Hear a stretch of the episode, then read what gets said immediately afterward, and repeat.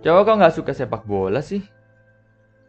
Ih, mainnya sama cewek terus. Eh, Amin ternyata kayak cewek ya. Lemah gemulai. Banci kaleng, banci kaleng. Jalannya gial-gial kayak cewek. Palingan juga nggak bisa. Lemes. Begitulah kira-kira beberapa perkataan yang aku dapatkan dari aku kecil.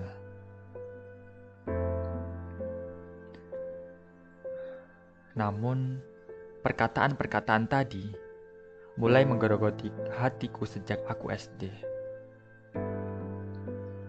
Awal mulanya, ada adik kelasku mempertanyakan, Mas, kok kayak cewek sih ya? Lalu berlanjut mengolok-olokku. Bencong, bencong, banci kaleng, banci kaleng. Dan itu hampir setiap hari. Setiap aku bertemu dengannya. Perkataan tersebut menjadikan aku berkehidupan dengan tidak nyaman dan mulai memasukkan ke dalam hati setiap perkataan yang berhubungan dengan kemai. Entah itu teman sendiri, tetangga, atau bahkan orang yang baru aku kenal.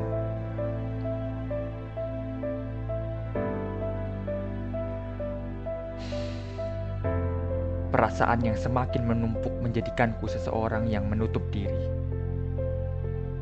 Bahkan pada masa SMP, aku sering hanya diam saja jika tidak diajak berbicara terlebih dahulu. Hal ini menjadi masalah yang cukup berpengaruh ketika aku mendapatkan kesempatan pengayaan materi untuk lomba matematika tingkat SMP. Namun, setelah pengayaan materi selesai, aku tidak terpilih untuk menjadi perwakilan SMP-ku. Ya, karena sifat pendiamnya diriku. Informasi tersebut aku dapatkan dari temanku yang lolos menjadi perwakilan sekolah.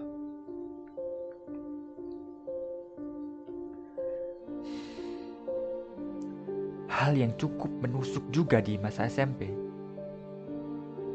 Ketika ada pemilihan pemimpin di kegiatan ekstrakurikuler, namun aku gagal lagi. Hanya karena aku yang kemayu. Dan jalanku seperti anak perempuan. Bahkan, pembina kegiatan tersebut juga menyampaikan kepadaku, aku harus latihan jalan agar jalanku seperti anak laki-laki pada umumnya. Banyak sekali potensi yang ada dalam diriku, aku pendam. Karena ada ketakutan sendiri diremehkan oleh banyak pihak dan aku berpikir lebih baik diam pada saat itu.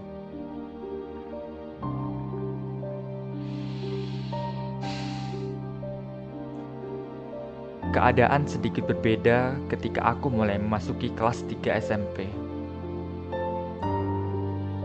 Karena keikutsertaanku di salah satu ekskul yang mengharuskan speak up, aku menjadi sosok yang lebih percaya diri.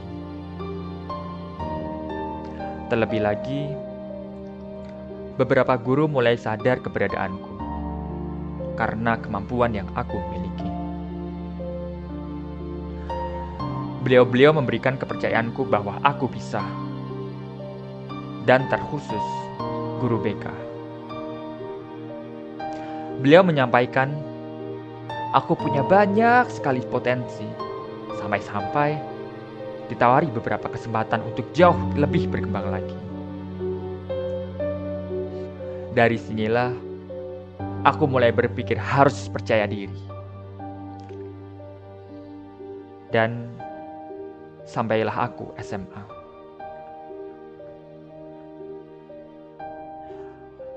Pada masa SMA, banyak sekali orang yang tidak memandang kekemayuanku. Namun sama, perkataan mengenai kemayu masih belum bisa hilang. Dan sekali lagi, hal tersebut menghambatku untuk berkembang. Di sini aku masih membawa perasaan benci terhadap kata bencong, kemayu, dan sejenisnya. Meskipun hal itu bukan ditujukan ke aku. Tapi seperti membuka luka lebih dalam lagi.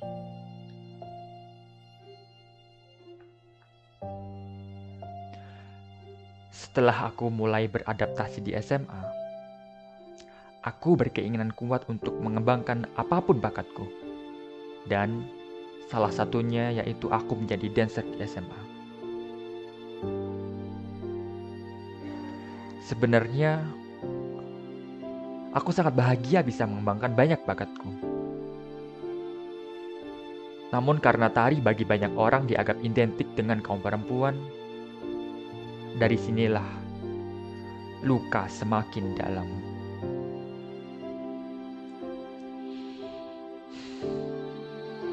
Karena aku beberapa kali tampil di SMA, beberapa guru mengetahui aku seorang dancer.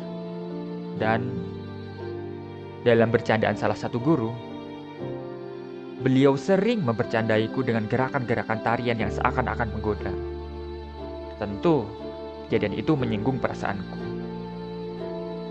Karena dilakukan berulang-ulang.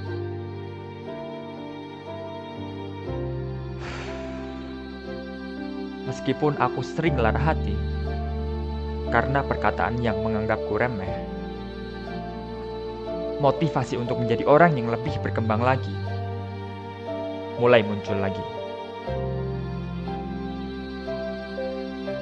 Salah satu puncak ambisiku ketika aku diterima di perguruan tinggi. Sontak, aku berambisi harus menjadi orang yang berbeda. Lebih percaya diri dan mengeluarkan segala potensiku. Namun, di masa aku menjadi mahasiswa, ternyata tidak berjalan lancar. Masih saja ada perkataan yang menusuk ke hatiku. Bahkan bukan cuma mengenai kemayu, yang membuatku masih menjadi orang yang kurang percaya diri.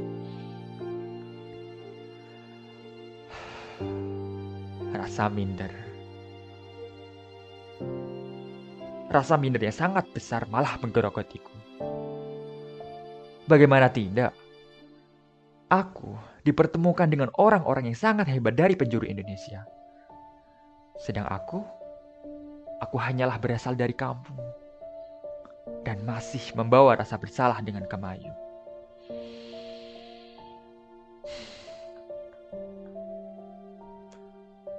Berjalannya waktu, aku mulai sadar bahwa di kehidupanku sebelum-sebelumnya, aku memilih untuk berlari dari apa yang dinamakan kemayu. Berlari menjauhinya, bukan malah mendekatinya.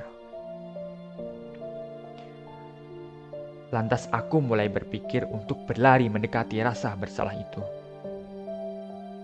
Aku mulai berdamai dengannya. Oke, gak apa-apa kok punya karakter ini, gak ada salahnya. Pasti apa yang diciptakan, apa yang diberikan oleh Allah, pasti ada tujuan dan manfaatnya. Dari sinilah aku mulai tidak menyoalkan perkataan kemayu dan sejenisnya, atau membahas mengenai hal tersebut aku mulai memupuk lagi kepercayaan diriku dan mempunyai ambisi yang cukup banyak dan besar menurutku. Alhamdulillah, lega rasanya melewati itu semua. Menurutku, segala sesuatu itu tergantung dari pikiran kita sendiri. Tergantung bagaimana cara bersikap hati kita. Dan bagaimana kita menyikapi apa yang diberikan oleh Allah Subhanahu wa taala. Jadi, sekarang mengapa harus takut? Mungkin saja itu hanya ada di pikiran kita saja. Terima kasih. Semoga bermanfaat.